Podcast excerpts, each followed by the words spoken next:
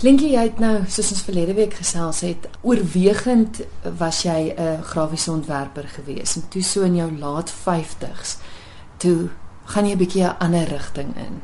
Vertel vir my van daardie rigting.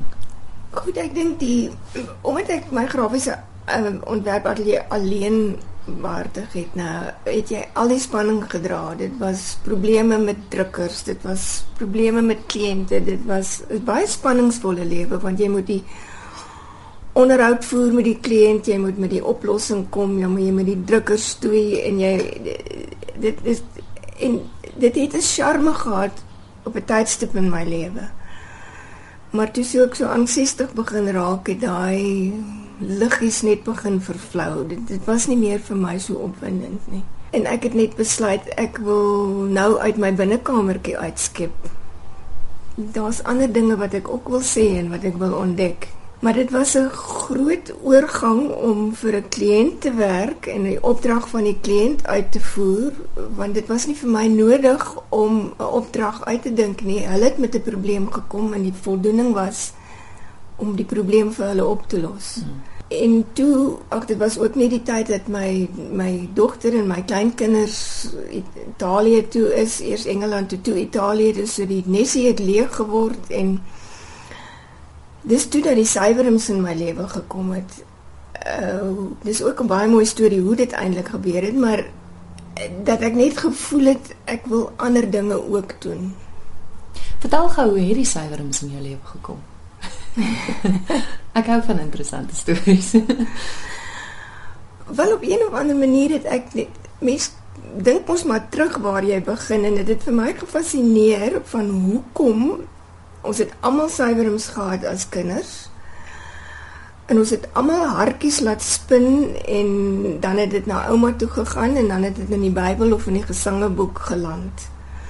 En ek het gewonder hoekom. Daar moet vir my iets gewees het wat ons as kinders in sy gesien is dat dit so spesiaal is.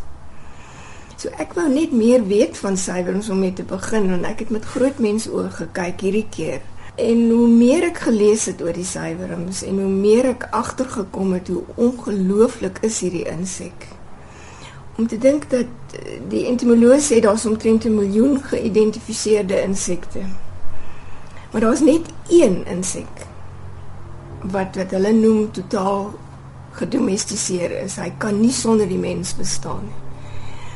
Toe ek dit lees het ek nou ook weer geweldig begin oplees oor die geskiedenis van sy en ehm um, hoe die sywerum eintlik ook uit die natuur geneem is vir die mens se luukse.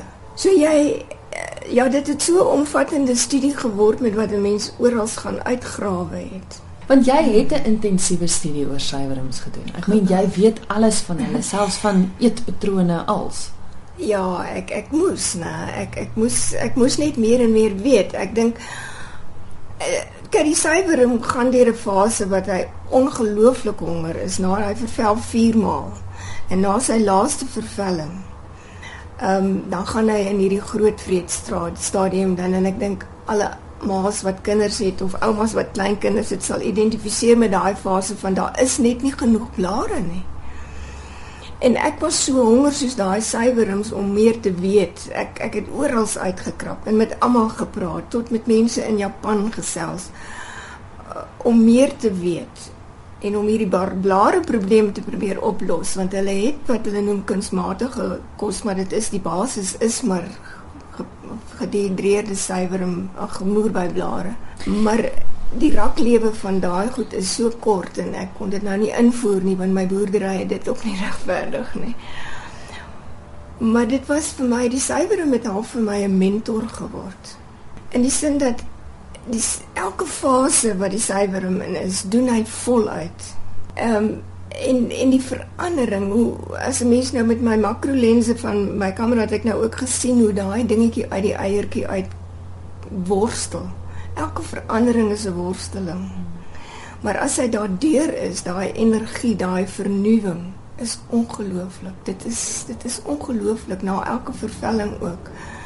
Hulle worstel so om uit die ou vel te kom. Party van hulle sleep daai ou vel vir 'n dag agter hulle aan.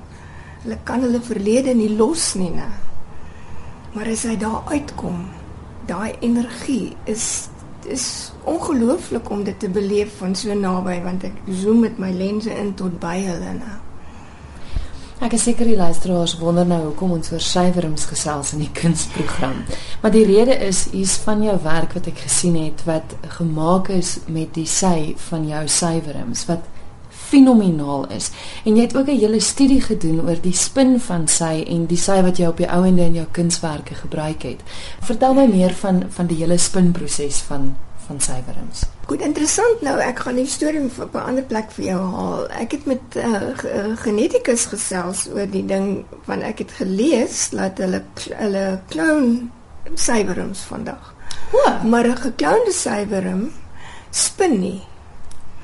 En dit het my ook gefassineer. Toe ek nou met hom gaan gesels hoekom reken hy nou is dit so? Toe sê hy dat die spin is deel van die voortplanting en jou voortplanting om van kyk hy moet die kokonnetjie maak om 'n papie te word Mm. en die kokon is beskerming omdat die papie so ongelooflik weerloos is as hy nie die kokon om hom het nie. So ja, ehm um, oral soos ek sê het ek gaan dinge uithaal wat vir my eintlik metafore geword het in my lewe van die kwesbaarheid.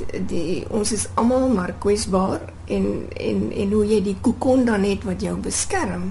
Maar sy as sulks is eintlik 'n proteïen en om die sy sy is ook kleurloos, maar om die sydraadjie is daar 'n gom wat hulle noem serosin. En daai gom is wat die kleur aan die sywerms gee, die sy wat die sywerms spin in Suid-Afrika wat ons ken, die goud en die groen en die witterige kleur. En dit is geneties. Dit wou ek ook bewys. Ek ek wou kyk in my in my proewe wat ek met hulle gedoen het of ek kan geslag of sê dat daai eiertjies gaan net goud spin, daai gaan net die groen spin in daai. So ek het die goud gesuiwer en die groen gesuiwer éventueel. Omdat ek van daai kleure wou gehad het, maar dit is nie die sy nie, dis die gom wat die kleur het. So daarom kon ek ook met die teeling dit regkry nadat ek hulle kon isoleer die op verskillende kleure. Die spinproses self, hy spin, die sywerm spin 15 cm per minuut vir 72 uur almekaar. En maar die voordat die sywerm begin spin en eintlik voor elke fase en dit is weer vir my 'n lewensles dan sonder die sywerm hom heeltemal af van sit doodstil voor hy vervel ook doodstil.